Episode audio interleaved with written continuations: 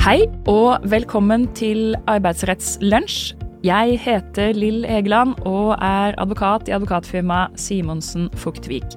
Og i dag har jeg med meg en gjest i studio. Emily Svensæter Jerntorp fra advokatfirmaet Vinge i Sverige. Hallo, Emily. Hallå, hallå Lill! Tack för jag får vara med, vad roligt! Dette er kjempegøy. Og Emily, du har jo eh, en egen podkast i Sverige du, som heter Arbeidsrettspodden. Ja, nej, men vi kör ett liknande koncept här på Vinge där vi pratar arbetsrätt. Och vi, vi ser till att prata arbetsrätt med folk som tycker att det är riktigt roligt, vilket jag vet att du också gör.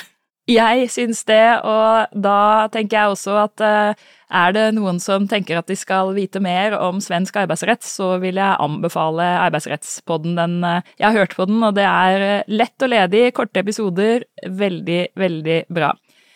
Det vi skal gjøre i dag, det er å nettopp snakke litt om svensk arbeidsrett, fordi eh, det er jo ikke sjelden at det eh, kommer klienter til meg og har et eller annet spørsmål om eh, Sverige og svensk arbeidsrett, og da pleier jeg som regel ikke å svare på det, fordi som vi skal snakke litt om nå, Emily, så er det jo forskjell på, på Norge og Sverige på veldig mange områder, og det spørsmål om Sverige hører hjemme i Sverige. Så, eh, men det jeg tenker at eh, det hadde vært fint å høre litt om forskjellige temaer av svensk arbeidsrett, eh, og hvordan eh, det er. Og kanskje vi kan begynne med prøvetid. Altså, det er noe som jeg har forstått kanskje er annerledes i Sverige enn i Norge. Hvordan er det, har dere konseptet prøvetid i Sverige? Jo, men det har vi. Eh, syftet med detta är ju att man ska eh, ha en möjlighet att faktiskt pröva en arbetstagare om personen i fråga ja, passar och kan utföra de arbetsuppgifterna som man vill eh, anställa personen för utan då att ha den här hela frågan kring att det är lite problematiskt ibland att säga upp eh, hängande över sig. Att man, man, man ska ha en, en ganska låg tröskel för att kunna anställa så att man ska känna sig trygg i att man kan pröva någon. Och då kan man göra det i upp till sex månader och vi kallar det för en provanställning. Ja. Men för att du ska kunna göra det så måste du ha särskilt kommit överens om det. Så att oftast så säger vi att det, det behöver finnas med i anställningsavtalet eller på något annat sätt överenskommits, helst då skriftligen. Så att båda parter vet vad det är som gäller. Men, men betyr det at hvis jeg er en arbeidsgiver i Sverige, og så har jeg noen på prøvetidsanstelling, så trenger jeg ingen grunn for å si opp i prøvetiden? Det har du helt rätt i. Så är det. Er det oppsigelsestid, eller? Ja, man har, man kan väl säga så här att man kan, man kan avsluta sin, eh, en, en eh, provanställning eh, utan då att behöva ange någon grund eh, för varför man gör detta. Eh, och i det läget så behöver man informera arbetstagaren och ibland även fackförbundet, ifall arbetstagaren är fackligt ansluten, om att man avser då att avbryta provanställningen 14 dagar i förväg. Så att i praktiken så får man 14 dagar eh, varsel innan kan man säga. Ja. Och då eh, är det så att det där måste, då måste den upphöra inom den här eh, perioden som man har avtalat om, som kan vara upp till sex månader lång. Så blir det sex månader och en dag så har du inte möjlighet att göra gällande att du har avbrutit den i tid, utan då är det en tills vidare anställning. Betyder det att eh, ska jag säga upp någon i prövotiden i Sverige, så må jag senast 14 dagar före si om att nu säger jag dig upp? Det är helt rätt Ja. om du vill följa den lagstiftningen också. Det är ju då möjligt att avbryta den även senare, men då kommer du att bli skadeståndsskyldig för att du inte har iakttagit den här varseltiden. Ja. Och jag ska också säga det att när man, när man tittar på det här med, med provanställning så ska man alltid först och främst också titta på ifall man har ett kollektivavtal, för det kan finnas annan reglering i sådana avtal. Nettopp. Ok, nei, men da har vi jo en stor forskjell der i, i Norge og Sverige. For i, i Norge så er det sånn at vi har seks måneders prøvetid, som vi husker, vi som hører på denne podkasten. Men i den prøvetiden så må du ha saklig grunn til å si opp, og riktignok så er terskelen lavere enn eh, etterpå, men det er likevel sånn at man må ha en saklig grunn. Så er det 14 dagers oppsigelse, men i Norge så er det også sånn at hvis du sier opp en dag før utløpet av prøvetiden, så er det fortsatt innenfor prøvetiden, selv om oppsigelsestiden løper etter eh, utløpet av prøvetiden.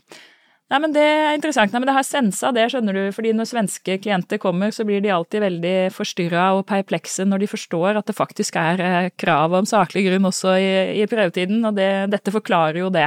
Ja, nej, men det, det gäller verkligen att hålla, hålla tungan rätt i mun där. Och jag ska också säga det att eh, det behövs ingen då särskild grund för det, men Ofta så är det ju så att man har någon anledning till varför man vill avbryta och den anledningen får ju såklart inte vara diskriminerande. Nej, nettopp. Så det, det är väldigt, väldigt viktigt att ta med sig. Eh, till exempel, eh, du har inte möjlighet att eh, använda sig av anledning till att ja, ja, men jag ser ju nu att du är gravid till exempel och då kommer inte du vara, vara på plats de närmsta månaderna. Ja, men därför, får du inte, därför kommer vi avbryta din, din provanställning. Det fungerar inte.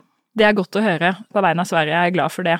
Eh, bara så, nu fick jag en eh, eh, liten digression i, i, huvudet mitt, men, men eh, man ser jo det også i eh, USA, da. Eh, at der har man jo ofte sånne at will-kontrakter hvor det ikke er noen grunn til Altså du trenger ingen grunn til å si opp. Men det man får i USA, er jo et press på diskrimineringsreglene i et forsøk fra arbeidstakerne på å angripe oppsigelser som man er uenig i, da, men også fordi man selvfølgelig håndhever diskrimineringskravene sine. Men godt presisert. La oss hoppe til et eh, annet tema, for jeg har også lurt på om det er noen store forskjeller når det gjelder hva man skal gjøre for å nedbemanne, altså en nedbemanningsprosess i Sverige. Og jeg skjønner at det, det er jo noe du kan snakke om i en hel podkast, men, men, hvis du skal ta hovedprinsippene, hva, hva må en arbeidsgiver tenke på når man nedbemanner? Ja, om vi då tar snabbversionen av det här som sagt, men eh, det finns en hel del saker som man ska tänka på. Först och främst så är det så att i Sverige, om du vill säga upp en, en arbetstagare, så måste man då ha sakliga skäl och det kan antingen vara arbetsbrist och, eller så är det då personliga skäl. Eh, och det här när man pratar om en nedbemanning, en omorganisation eller en nedbemanning, så hamnar vi ju i kategorin arbetsbrist. Och när det gäller arbetsbrist så är det faktiskt inte så komplicerat skulle jag säga i Sverige att, eh, att säga upp. För det är så att det är helt och hållet, såklart med vissa förbehåll, men det, det är arbetsgivarens rätt att bestämma hur en verksamhet ska bedrivas. Mm. Och när man tittar på en omorganisation eller en nedbemanning så handlar ju det om att man tittar på hur vill jag att organisationen ska se ut framåt? Och det är helt och hållet arbetsgivaren som tar beslutet kring kring hur, hur det ska se ut. Så vill du, vill du ha eh, liknande arbetsuppgifter som ska utföras men med eh, färre antal personer, det är väl oftast det det handlar om, att man, man plockar bort några positioner, ja men då är det upp till arbetsgivaren att besluta om. Så utgångspunkten är då helt enkelt att arbetsgivaren bestämmer vilken organisation det ska vara.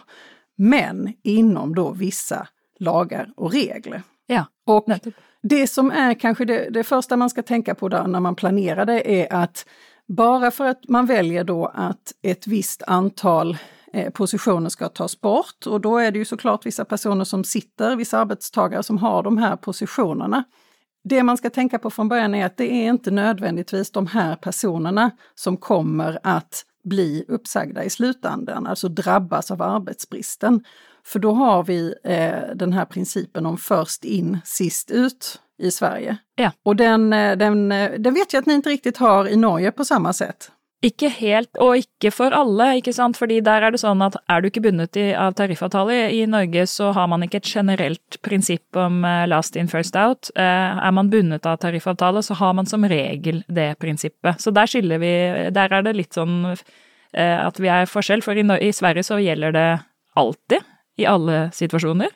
Det gäller alltid i alla situationer eh, med den lilla undantag. Det finns alltid undantag i ja. juridik. Konstigt det är ju det vi lever av, Emelie. Det är undantagna.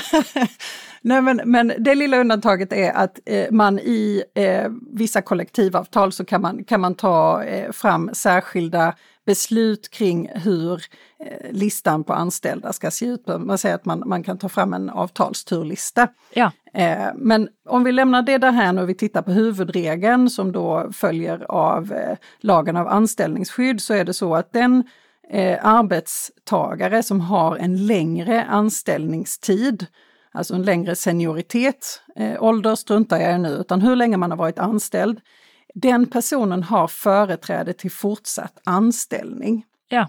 Och det innebär i praktiken att man som arbetsgivare, dels så behöver man eh, ta hänsyn till vilka lediga positioner som finns inom, en, eh, inom organisationen. Men i många fall när man ska dra ner på eh, verksamheten så finns det kanske inte så många lediga positioner och då blir nästa del ännu viktigare och det, det är här vi hittar den här sist in först ut-principen som innebär då att man som en mer senior arbetstagare har en möjlighet att kräva en position som en arbetstagare med kortare anställningstid har. Känner. Så det innebär i praktiken att om jag skulle ta bort din position till exempel och du har eh, en längre anställningstid än någon annan och du har tillräckliga kvalifikationer för den här andra tjänsten, alltså det kanske är en, en annan juristtjänst eller för all del någon annan kvalifikation som, som man har på annat sätt, då har man alltså företräde till fortsatt anställning som i praktiken innebär att det är den här andra arbetstagaren som riskerar att istället bli uppsagd. Kan jag då fråga dig, hur bestämmer man, låt oss säga att, eh, att det är en nedbemanning hvor man skal ned Man har fem ingeniørstillinger i virksomheten, skal ned med én, én eh, stilling i ingeniørkategorien. Og så la oss da tenke oss at eh, i den ingeniørkategorien hvor fem stillinger skal ned, så er det veldig mange ansatte med veldig lang ansiennitet. Så alle sammen har mer enn ti års ansiennitet i, i, i de fem, da. Er det da sånn at eh, jeg som har lengst ansiennitet i ingeniørkategorien, dytter ut den med lavest ansiennitet i ingeniørkategorien, eller dytter jeg ut noen, en sekretær for eksempel, er det noen prinsipper for det som står i loven? Det är, en, det är en jättebra fråga eh, och det beror på lite vem du, vem du frågar, ja. som, eh, så hur du får svaret på den. Men, men utgångspunkten är att eh, du har rätt till ett skäligt erbjudande. Och det erbjudandet eh, innebär att du ska eh, kunna utföra arbetsuppgifterna, det vill säga det måste vara, ligga inom din kompetens. Ja. Och det kan vi prata om hur länge, om hur man bedömer det, men eh, vi, vi säger att vi vet vilken kompetens du har. Och du har rätt till ett sådant erbjudande och det är arbetsgivaren som har rätt att bestämma vilket erbjudande det är som är lämpligt. Ja. Men det är såklart, det får inte heller ske diskriminerande och det bör inte heller ligga för långt ifrån. Eh, så, så det blir lite beror på hur, hur organisationen ser ut. Känner. Men man kan också tänka på att det finns ju, om man har den här först in sist ut principen som vi har, så är det ju att om man har för många sådana här knuffar ner, det vill säga att en mer senior kräver en position av någon som sitter ganska högt upp men fortfarande längre ner på turordningslistan och så får den den. Mm. Då blir ju den personen aktuell, men den personen har samma rättigheter och då kanske den knuffar ner en till och en till och en till. Ja. Och i värsta fall så har du helt enkelt flyttat runt hela eh, arbetsstyrkan. Ja. Och det vill man ju såklart inte uppnå, utan då, då får man också ta hänsyn till var på turordningslistan, vilken position man faktiskt erbjuder. Så den är viktig. Och då ska jag också säga i samband med detta att förra året, alltså 2022, så eh, skedde det en del lagändringar i svensk arbetsrätt eh, och då gjorde man, tog man ett beslut om att en arbetsgivare får lov att ta bort eller skydda kan man säga tre personer på en eh, turordningslista som det heter, en lista över de anställda då på den här, i den här organisationen. Eh, och att man, man kan plocka bort dem och säga att ja, men de här kan inte komma i fråga för en sådan, ett sådant erbjudande om fortsatt anställning. Så då kan man inte kräva deras positioner. Om det är så att arbetsgivaren bedömer att de har en väsentlig kunskap som man behöver ha i verksamheten framåt. Ja. Så det, och det har, gjort, det har fått rätt stor effekt bara det här året som det här har varit i kraft. Så det är viktigt att ta med sig. Tre stycken, oavhängigt av hur stor organisationen är eller? Ja, ja. ja. och det, det, är en del av ändringen. Tidigare så var det, man fick undanta två ifall man hade tio eller färre och nu får man undanta tre och det gäller alla. Nettopp, ja. Ja, men dette er veldig spennende. Eh, det som slår meg, det er at um, vi burde i Norge egentlig hente litt inspirasjon fra de prinsippene dere har i Sverige når det gjelder dette turordningssystemet. For det er klart, i Norge som sagt så, så gjelder jo ansiennitetsprinsippet i virksomheter som er bundet av tariffavtale. Eh, og jo mer blue collar du er i Norge, jo større, jo sterkere er det prinsippet. Og, og det er klart at de virksomhetene som er veldig blue collar, mange av de kan slite med at man får veldig stående knock-on bumping-effekter, da, hvor du får stor eh, endring i hele organisasjonen fordi du har disse knock-on-effektene. Eh, så nå ble jeg litt inspirert til å, til å lære mer om svensk eh, turordningsprinsipp, for der er jeg helt sikker på at vi kan hente litt inspirasjon. Nei, men du, dette var veldig nyttig, og det er sikkert mer vi kan snakke om når det gjelder nedbemanning også, men jeg tror vi skal begynne å gå inn for landing i denne episoden. Eh, men før vi avslutter, så har jeg lyst til å høre litt, er det noen spesielle temaer som, som svenske arbeidsgivere er opptatt av for tiden, og, og hva er det i så fall? Ja, tyvärr är det väl så att eh, konjunkturen har slagit igenom eh, och det vi ser mycket av är ju just nedbemanningar, omorganisationer, uppsägningar på grund av arbetsbrist. Eh, och det betyder att eh, våra arbetsgivare eh, sitter mycket i fackliga förhandlingar eh, och hanterar detta, för det är ju så att man behöver förhandla innan man tar beslut om en omorganisation. Så det är väl egentligen det ena.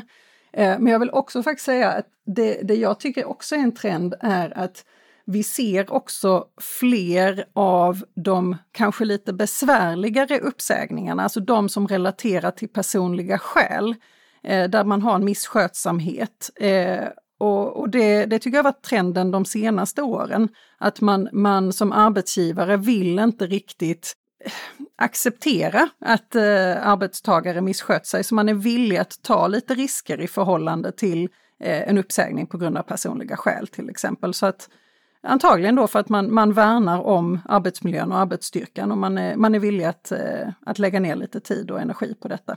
Så de två trenderna ser jag. Det är intressant, eh, och bara som en liten digresjon igjen, da. Vi så i Norge i 2021-2022 så så vi flere saker om samarbetsproblem samarbeidsproblemer eh, i domstolene enn det vi hadde sett før. Altså dette er litt sånn basert på eh, egen kunnskap også, men vi, vi har et kurs i Norge hvor vi går gjennom all rettspraksis eh, og, og, og, og, forteller om det, og da, da så vi de to årene stor økning på individuelle oppsigelser og litt mindre på, på nedbemanninger. Og da spekulerte vi litt i er det sånn nå at etter korona så så er folk eh, sluppet ut igjen, og så går det litt galt. Eh, og vi har hatt en sånn der eh, trykkokereffekt som nå liksom utløser seg. Jeg vet ikke om det, om det kan være forklaringen eller ikke. Det er i hvert fall en hypotese. Ja, nei, det, det låter jo fullt rimelig, men uh, vad spännande å høre at det er samme sak hos dere. Ja, ja, det, det, ja, det, er gøy, vet du, når vi får satt oss ned og snakka litt sammen om norsk og svensk arbeidsrett. Men jeg tror vi skal eh, runde av der, ja. Ehm, og så glemte jeg å si innledningsvis, men jeg håper du som har hørt på denne episoden likevel har kommet deg ut på tur, for det er et, eh, skjønner du Emily, et lite konsept med, med Arbeidsrettslunsj-podkasten. Den ble i sin tid til, den ble til under korona. Den ble til en gang jeg var ute og eh, gikk tur mens jeg hørte på et avdelingsmøte eller sånn derre eh, firmamøte på jobben, og av og til så er det litt vanskelig å følge med på sånne fellesarrangementer hvis du bare sitter der sammen med kollegene dine, men jeg skjønte plutselig hvor lett det var å følge med på det som ble sagt når jeg gikk på tur og hørte, for da ble du veldig konsentrert, og så hadde du ikke noe annet å finne på, du kunne ikke scrolle, du kunne ikke gjøre noen ting, og da tenkte jeg at Kanskje jeg må lage en podkast hvor jeg oppfordrer folk til å gå ut på tur når de hører på episoden, fordi da kommer de til å lære mer av det de hører. Og sånn ble det til da, så derfor så oppfordrer jeg alltid eh, folk til å gå på tur når de, når de hører, eh, hører, denne episoden. Det, kan, det, burde du tenke på med, med arbeidsrettspodkasten eh, din også. Det låter alldeles fantastisk. Veldig norsk og veldig fantastisk. Det skal jeg absolutt plukke med meg. Ja, det er veldig bra. Men tusen takk for at du ble med i dag, Emily, og håper vi ses snart. Toppen. Ha det fint. Ha det bra.